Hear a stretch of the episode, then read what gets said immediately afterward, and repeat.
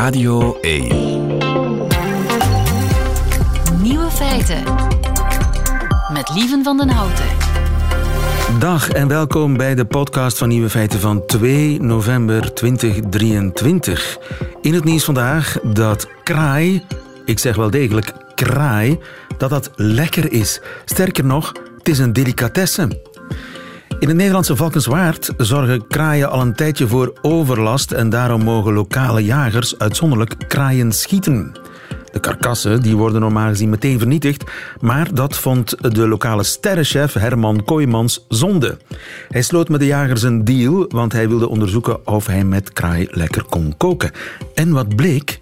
Kraai is niet taai. Qua smaak en qua uh, uh, vorm, kleur, geur, het, is allemaal uh, een wilde houtduif.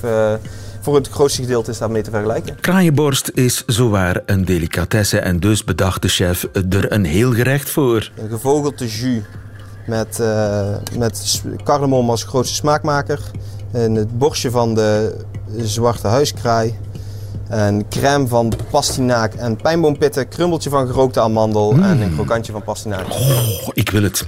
Herman Kooijmans, de sterrenchef, serveert kraai. Kijk, zo hoort het. Wie stout is, die eindigt in de pot.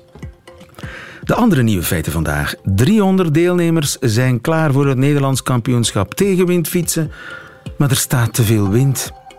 Een haan herkent zichzelf in de spiegel, blijkt uit onderzoek in Duitsland. En Rika Ponet hakt de knoop door van luisteraar Astrid, die haar beste vriendin aan een man wil helpen. De nieuwe feiten van Tommy Wieringa, die hoort u in zijn middagjournaal. Veel plezier. Radio 1. Nieuwe feiten. Herkent een haan zichzelf in de spiegel? Het is een test die Duitse onderzoekers hebben gedaan. Dirk Drouwlands, goedemiddag. Goedemiddag, lieven. Uh, je bent onze bioloog des vaderlands en nog steeds een knakjournalist. Uh, dieren, zien ze zichzelf in de spiegel? Dat is een centrale vraag hè, in uh, het dierenonderzoek. Het is een belangrijke vraag, omdat men ervan uitgaat dat als een dier of een mens hè, zichzelf in een spiegel herkent, dat dat toch een vorm van hogere intelligentie vereist, omdat het een vorm van zelfbewustzijn impliceert. Namelijk, als een dier weet dat het naar zichzelf aan het kijken is, zou dat toch impliceren dat het vaardigheden in zijn hoofd heeft die wij niet automatisch met dieren associëren. Ja, Vandaar het belang van die test. En dat het uh, weet dat het iemand is. Hè? Want voilà. honden ja, en katten die reageren raar hè, op spiegels. Ja, het is, uh, het is niet evident, want het is een van de grote kritieken op die spiegeltest is natuurlijk dat spiegels iets van ons is, van de mens. Hoewel, uh, veel mensen zullen het al wel eens meegemaakt hebben, dat ze bijvoorbeeld een roodborstje uh, hevig liggen doen tegen zijn spiegelbeeld in een keukenraam bijvoorbeeld. Ja. En dat roodborstje is daarbij zeer sterk gefocust op dat oranje, want het is eigenlijk meer oranje borstje dan rood borstje, op dat oranje op zijn borst en kijkt dus misschien niet naar het diertje als dusdanig, waardoor het dus niet weet dat het eigenlijk tegen zichzelf bezig is. Ja. Maar als men daar toch wat uh, varianten in brengt om die spiegel wat in te bouwen in het leven van een dier, blijken er toch mooie resultaten uitgepuurd te kunnen worden. Ja, want uh, honden bijvoorbeeld, die, uh, herkennen die zichzelf in een spiegel?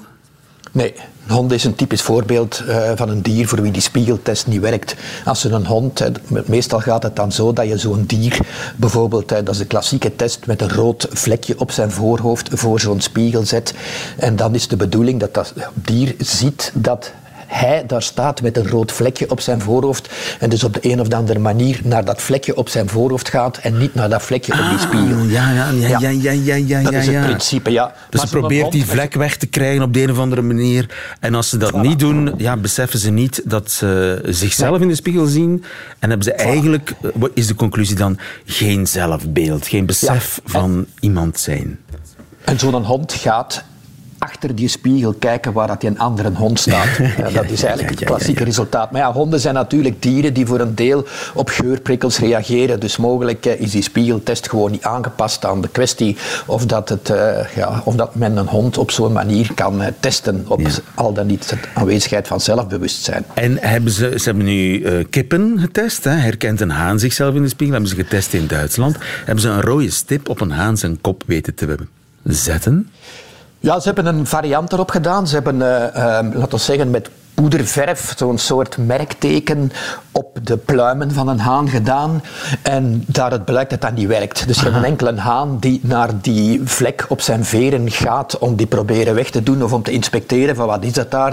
Dus die hanen, die, die, die merktest kun je niet gebruiken voor hanen. Maar wat het belangrijke is aan die nieuwe studie, um, men heeft dus geprobeerd of het niet mogelijk is van die spiegeltest zo aan te passen dat die eigenlijk meer aansluit bij het natuurlijk gedrag van een kip en, en met name hanen, want ze hebben het met hanen getest. En wat hebben ze daarvoor gebruikt? Ze weten dat hanen uh, gemakkelijk, die kraaien niet alleen s morgens om ons wakker te maken, en, maar die kraaien eigenlijk ook om alarm te slaan als ze bijvoorbeeld een vos of een havik zien komen. Mm -hmm. En die haaien, kraaien, hanen kraaien alleen maar om alarm te slaan als er ook nog andere kippen in de buurt zijn. Als ze alleen zijn, doen ze dat niet, want dan trekken ze de aandacht op zich. En dat is de aandacht van de, van de roofdier op zich. Dat is niet, niet gunstig. Maar als ze anderen kunnen waarschuwen, is dat wel nuttig. Okay. En men heeft dus nu een variant gedaan van een spiegeltest in de betekenis van als je een haan voor de spiegel zet, waardoor hij dus zichzelf kan zien in die spiegel, gaat hij dan nog alarm slaan als hij een model van een havik ziet overvliegen. Want als hij weet en, dat er een spiegel is, weet hij dat hij alleen is en moet hij zich koest houden. Voilà, als hij dus zichzelf ziet in die spiegel, weet hij, daar is geen andere haan en zwijgt hij. En het, uh, en het is bizar, want uh, als men dus twee hanen naast elkaar zet, dan gaan er in, in de testopstelling 77 keer gealarmeerd worden. Als je een haan alleen zet, maar ook zonder spiegel, slaat hij maar 17 keer alarm. Dus een heel stuk minder. En en nu komt het belangrijke. Als je de haan dus in zo'n spiegelcontext zet, waarin die alleen zichzelf ziet staan, slaat hij maar 25 keer in die test alarm. Dus dat is van hetzelfde niveau van ik sta hier alleen, dus ik hou mijn bakkens bij wijze van spreken. Wow. Waaruit dat men dus afleidt, die haan weet dat hij zichzelf in die spiegel ziet en denkt dus ik moet hier geen alarm staan, slaan, want ik ben alleen.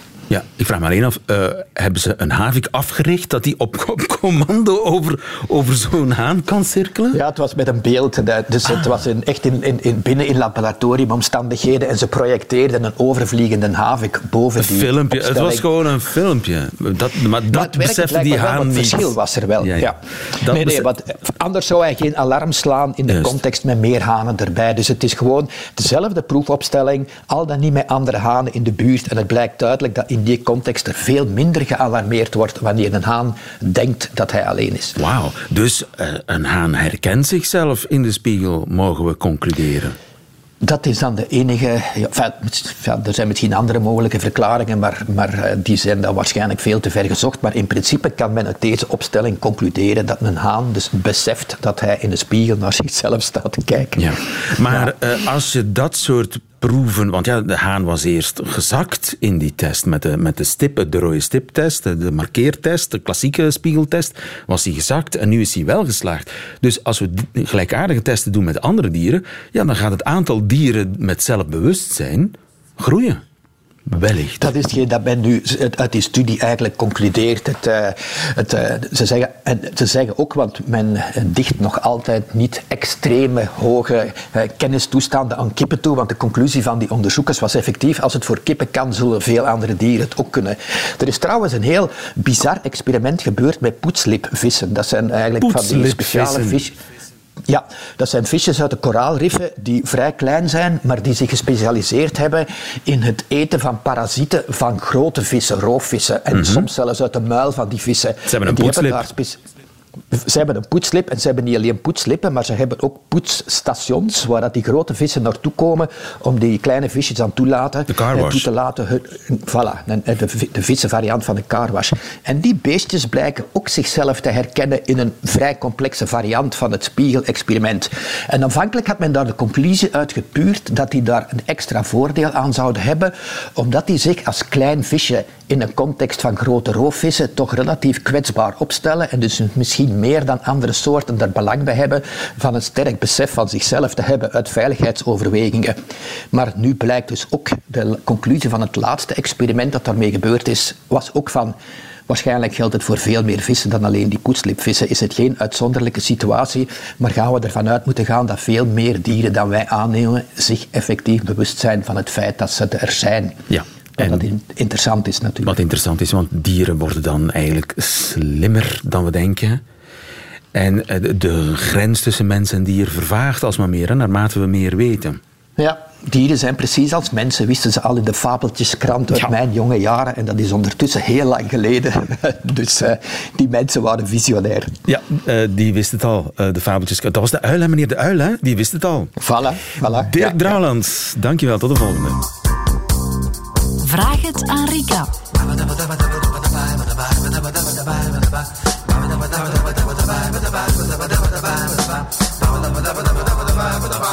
Een mandje met dilemma's staat hier. Op donderdag is dat altijd het geval, want dan komt Rika Ponet op bezoek, onze relatiedeskundige. Goedemiddag, Rika. Dag lieve. Ik heb eh, post voor jou gekregen van de 35-jarige Astrid. Astrid schrijft: Ik maak deel uit van een leuke vriendinnenkring. We kennen elkaar uit onze studententijd en zien elkaar nu nog altijd op regelmatige basis. We hebben intussen allemaal een gezin en kinderen. Het leven is voor elk van ons tot nu toe goed geweest, behalve voor Karen, bij wie alles lijkt stil te staan sinds ze zeven jaar geleden uit een gebroken relatie kwam. Ze was twee jaar samen met die man, maar we wisten nooit goed wat we van die relatie moesten denken. Ik had ook niet het gevoel dat hij haar goed behandelde. Ik denk dat de breuk haar veel verdriet gedaan heeft, zoveel dat ze sindsdien geen relatie meer heeft gehad. Waarschijnlijk uit angst om opnieuw de bons te krijgen. Binnen de vriendenkring proberen we al langer om haar in contact te brengen met mannen. Door etentjes en feestjes te organiseren, maar dat leverde niets op. Suggereren dat ze toch best zou gaan daten. Tips via welke weg ze dat zou kunnen doen. Het stuit naar mijn gevoel allemaal op een muur. Daten, relaties, het lijkt echt een taboe onderwerp geworden voor Karen. Intussen loopt de tijd. Ik weet dat ze vroeger altijd graag kinderen wou. Toch zei dat ze een gezin met kinderen wou. Ze is recent 35 geworden. De tijd begint dus te dringen. Hoe kunnen wij haar helpen, schrijft Astrid. Ja, Rika. Ehm, Vriendinnen. ja, ik krijg daar ook regelmatig mee te maken. Ja, mensen, moeders en vriendinnen. En die sturen dan een vriendin of een dochter, of een zoon soms ook, maar mijn richting uit. Doe, de, doe nu eens iets wat, of doe nou eens wat met je leven. Hè. Blijf daar niet in hangen. Ik vind dat, wijst uiteraard, ik vind dat positief, op het feit dat Astrid en ook de rest van de vriendenkring ehm, lief en betrokken zijn en ze echt wel inzitten met, met Karen. Maar ehm, het gevoel dat ik er toch ook bij krijg is, ehm, ja, als ik het nu zo eens heel lomp mag zeggen, waar, waar bemoei je je eigenlijk mee? Hè? En hoe, ehm, hoeveel interpreteer jij eigenlijk wat Karen niet uitspreekt? Dat spreekt ook uit die brief. Ehm, jij kan Karens leven niet leiden. Ja, maar voor hen is het natuurlijk vervelend, want die, die, die dames zitten onderling te kletsen over een man, over hun kindjes, over... Ja.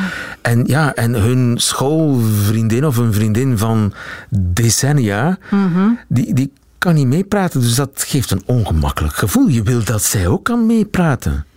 Ja, en dat zegt dan misschien meer over Astrid dan over Karen. Over het feit, en dat zie ik nogal eens bij vrouwen.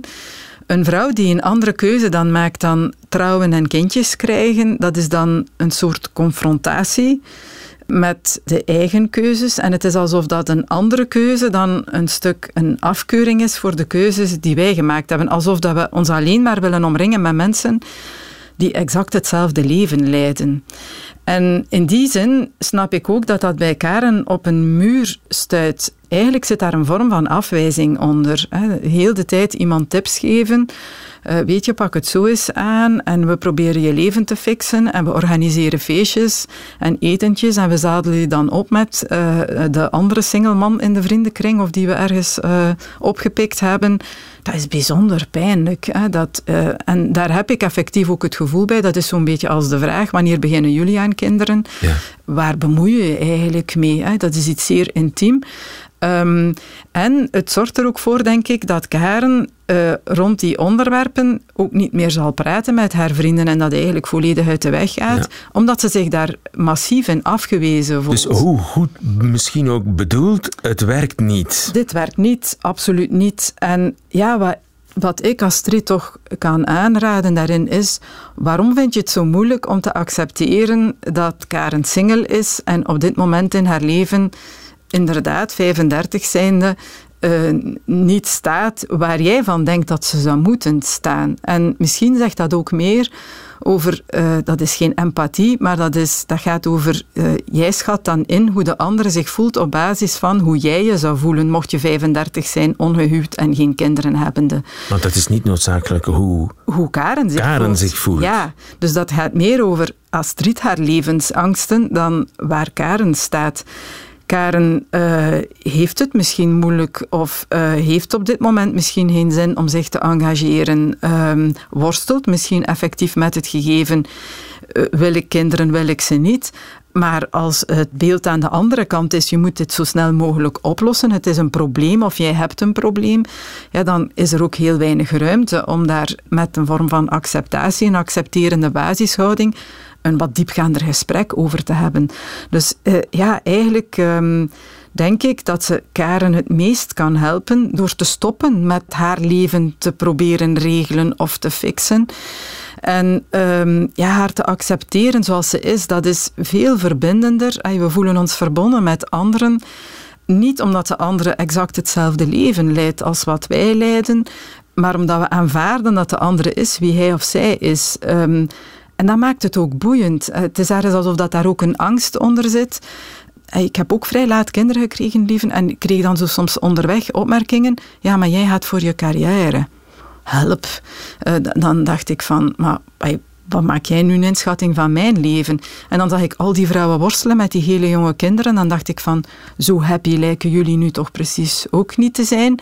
Misschien is mijn status als, uh, ik had wel een partner, maar als vrouw zonder kinderen, die daarin nogal vrij zich beweegt, of zich nogal vrij beweegt, iets waar je eerder wat jaloers op bent en waar je liefst niet te veel mee geconfronteerd wordt, dan dat het uh, iets zegt over het feit dat ik nog geen kinderen heb. Maar jij probeert mij daar een slecht gevoel bij te geven. En dat is ook wat ik hier zo'n stukje als gevoel heb. Hè. Laat... Ja. Um, dus scheer je weg? Ja, nee, ga wel het gesprek aan, maar zie ook in dat dat eigenlijk voor een groot stuk gaat over hoe jij naar het leven kijkt, hoe dogmatisch bijna jij naar ja. het leven kijkt. En misschien is Karen en... niet zozeer ongelukkig omdat ze geen vriend heeft, maar omdat de anderen ja. haar als een sukkel beschouwen. Voilà, dat heel juist. Dat is iets wat ik vaak ook hoor bij singles. Het is soms zo moeilijk om met koppels op te trekken. Ik hoor dat niet altijd. Hè. Ik hoor ook van single vrouwen en mannen die zeggen ah, ik heb hele goede vrienden die gesetteld zijn, kinderen hebben, maar als wij samen zijn kan het gelukkig ook over andere dingen gaan dan over kinderen. Uh, het is een enorme opdracht om als in een vriendenkring te zitten waar koppels zitten die denken dat dat eigenlijk de enige manier van leven is. Dat is zo niet vandaag. Um, dus nogmaals, uh, accepteer Karen voor wie ze is. En dat betekent valideer ook waar zij vandaag staat in haar leven. Um, en misschien is dat voor u soms wat confronterend in de keuzes die jij gemaakt hebt. Um, maar nogmaals, de andere hoeft het leven niet te leiden dat jij leidt. En ja. kan toch een hele leuke vriendin zijn. Daar, ja. daar gaat het over. En als Karen een, een vriendin of een vriend vindt dan kan dat ook gebeuren. Dat kan ze zelf. Ja, uh, ja dat, mensen En als ze daar hulp bij wil, dan zal ze dat het zoeken. Vragen. Ja, misschien kan je het ook vragen. Wil jij daar eigenlijk hulp bij? Of vind je dat oké okay, dat, wij, dat ik je af en toe een suggestie aan de hand doe? Um, en als zij antwoordt van ja, nee, ik ben daar gewoon niet klaar voor of ik heb daar geen zin in, laat het ook gewoon. Absoluut. Wijze woorden van uh, Rika Ponet. Heeft u zelf ook een kwestie die u graag aan onze relatiedeskundige wil voorleggen? Dat kan natuurlijk. Stuur uw dilemma naar nieuwefeiten.radio1.be en volgende week komt het misschien aan bod bij een nieuw bezoek van uh, Rika. Tot dan. Ja, graag. Radio 1. Nieuwe feiten. Het had een geweldig groot feest moeten worden in Zeeland, maar het omgekeerde is het geval. Gilles Wijkmans, goedemiddag. Goedemiddag. Gilles, waar ben jij niet op de redactie, begrijp ik? Ik ben niet op de redactie, ik ben in Nederland, meer specifiek bij Neeltje Jans, dus uh, midden op de Oosterschelde. Ehm, en het waait hier ontzettend hard, dat kan ik je zeggen. Ja, je had willen meedoen aan het Nederlands kampioenschap eh, tegenwindfietsen. Tegenwindfietsen, dat is inderdaad waarom ik hier ben. En dat is vrij letterlijk wat de naam omschrijft. Namelijk 8,5 kilometer tegen de wind in fietsen. En vandaag zou dat dus zijn met uh, wind van 100 kilometer per uur. Alleen, helaas, is het afgelast. Ai, eh, dat is nu Ja. nieuws van uh, Heet van de Naald. Dat is eh, nu eh, een tiental minuten geleden beslist, inderdaad. Eh, het waaide te hard. Ehm, het, is vooral, het heeft vooral te maken met de windvlagen eigenlijk. Af en toe is het redelijk kalm, ehm, maar dan af en toe steekt er een enorme wind, eh, windvlaag op. En de organisatie en dan vooral de gemeente wilde het risico niet nemen dat er iemand met zijn fiets eh, zou vallen of in de zee zou belanden. Dus vandaar de aflasting. Ja, want het parcours gaat over de afsluitdijk, gewoon rechtdoor, Deltaweg, ja. 8 kilometer knal tegen de wind in. Ja, terwijl ik hier ondertussen echt omvergewaaid word door zo'n windvlaag. Ja, je hebt er het kapsel voor, hè, Gilles? Eh, inderdaad, het parcours, parcours. Maar het is niet de eerste keer dat het afgelast wordt. In 2020 is exact hetzelfde gebeurd. Eh, ook eh, veel te harde wind en aflasten. Dat is het risico natuurlijk van de wedstrijd. Ja, en nogthans, eh, de voorbije dagen groeide het enthousiasme. We kregen sturm. We kregen sturm, hè. Dat is, dat is, we hebben geoefend. Dat is de kreet, dat is een beetje vergelijkbaar met het giet aan in Friesland. Om te Ja. zeggen dat er een Elfstedentocht komt. Deze keer was het dus we kregen sturm. Er komt een, een Nederlands kampioenschap tegenwindfietsen. Eh, daar, daar, hoeveel mensen zijn daar eh, enthousiast eh, zich... in- 300 mensen 300 zouden hier... mensen? eh, 300 mensen zouden hier aan deelnemen. En een van die deelnemers, of ex-deelnemers moet ik nu zeggen, is Maarten. En die staat hier eh, langs mij. Ehm, Maarten, hoe teleurgesteld ben je? Eh, ik baal hier wel van, ja. Ik vind het altijd een heel mooi evenement om mee te doen. En ja, dat het niet doorgaat vanwege te veel wind, ja, dat komt er bij mij niet in. Nee, je zou nog altijd willen meedoen. Ja, ik zou gewoon starten. Ik bedoel, ik, ik ben heus wel eh, volwassen genoeg aan mijn eigen veiligheid te denken. Ik snap het wel dat het afgelast is, maar ja, ik vind het gewoon ziek. Ik vond het gewoon jammer. Er staan nog fietsen, hè? je kan nog altijd proberen. Ja, ik kan wel. Ik heb alleen, ja, we werden fiets eh, van de organisatie beschikbaar gesteld, dus ik heb geen fiets bij nu. Maar eh, ja, als ik echt gek doe, dan doe ik misschien thuis nog wel een rondje zo. Want het is niet de eerste keer dat je meedoet. Nee, ik heb eh, van, de, van de acht keer dat het nu was, dan heb ik er eh, zeven van meegedaan. Oké, en wat was je beste tijd trouwens?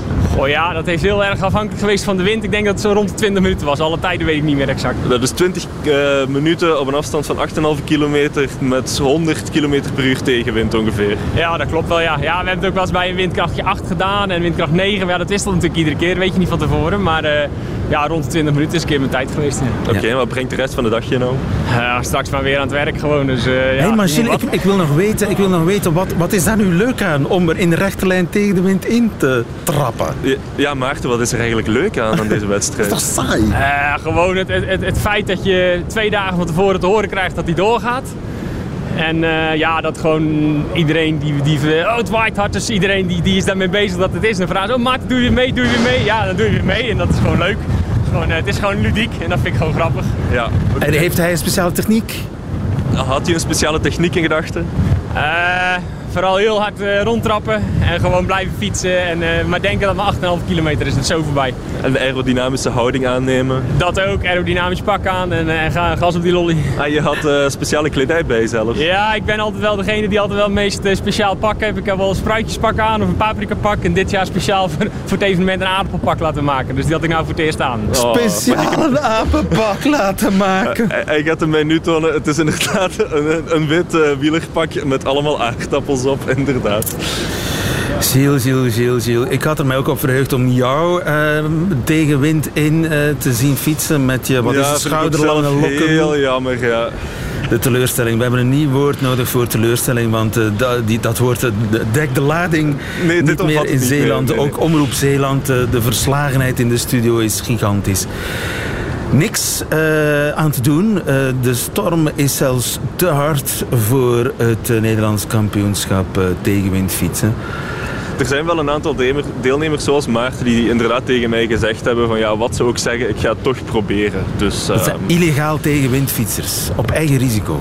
het is openbare weg, dus ze mogen, maar het is inderdaad op eigen, op eigen risico. Gilles Wijkmans, ik wil foto's van jezelf op een fiets met je haren in de wind. Dat eis ik. Anders, kom je niet, anders ben je niet langer welkom. Anders moet je morgen niet komen naar de quiz. Oké, daar gaat hij. Gilles. En wie weet horen we nog meer van jou. zo dadelijk als je erin geslaagd bent om 300 meter te fietsen. Tegen de wind in op Neeltje Jans. Radio 1. Nieuwe feiten. En dat waren ze, de nieuwe feiten van vandaag, 2 november 2023. Alleen nog die van Tommy Wieringa, die krijgt u nu in zijn middagjournaal. Nieuwe feiten. Middagjournaal.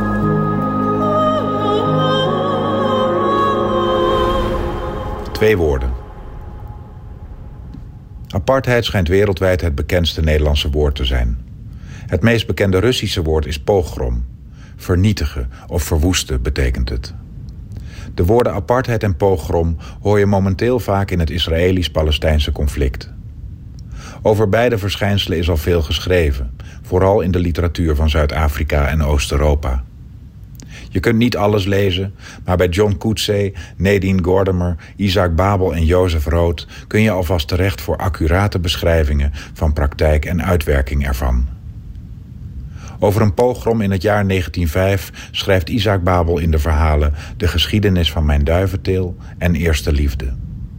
We lezen over het geweld tegen de Joden van Nikolaev, achterloos als een herfststorm. En over het gezag dat te paard en met citroengele suède handschoenen aan door de straten gaat en de boeren laat begaan. De arme boeren moeten nu eenmaal periodiek hun woede koelen over hun zware bestaan. Liever op de Joden dan op iets anders. Vanzelfsprekend en onbewogen is Isaac Babels beschrijving van het geweld dat zich boven de hoofden van de Joden ontlaat. Luister hoe een jonge boer het huis van Gariton Efroussi te lijf gaat. Hij sloeg het stuk met een houten hamer. Hij haalde uit met zijn hele lijf en zond hijgend een goedige glimlach van beneveling, zweet en geestkracht om zich heen. De hele straat was gevuld met het krakende, knappende, zingende geluid van versplinterend hout. De boer wilde alleen maar zijn rug buigen, zweten en vreemde woorden schreeuwen in een onbekende, niet-Russische taal. Al even beneveld is de gewelddadige, hatende boer in het werk van Jozef Rood. Altijd hangt er een geur van brandewijn om hem heen.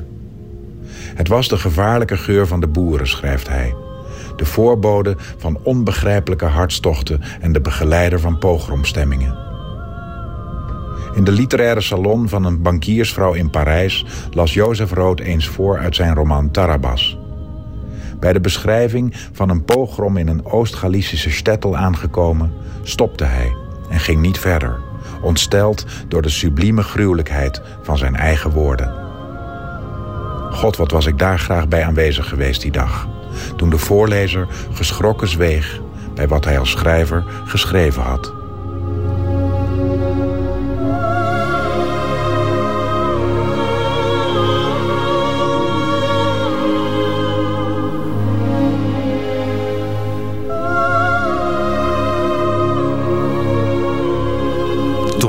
In het Middagjournaal. En ik had daar ook wel willen bij zijn. Einde van deze podcast. Hoort u liever de volledige nieuwe feiten. Met de muziek erbij, dat kan natuurlijk elke werkdag live tussen 12 en 1 op Radio 1 of via VRT Max. Tot een volgende keer.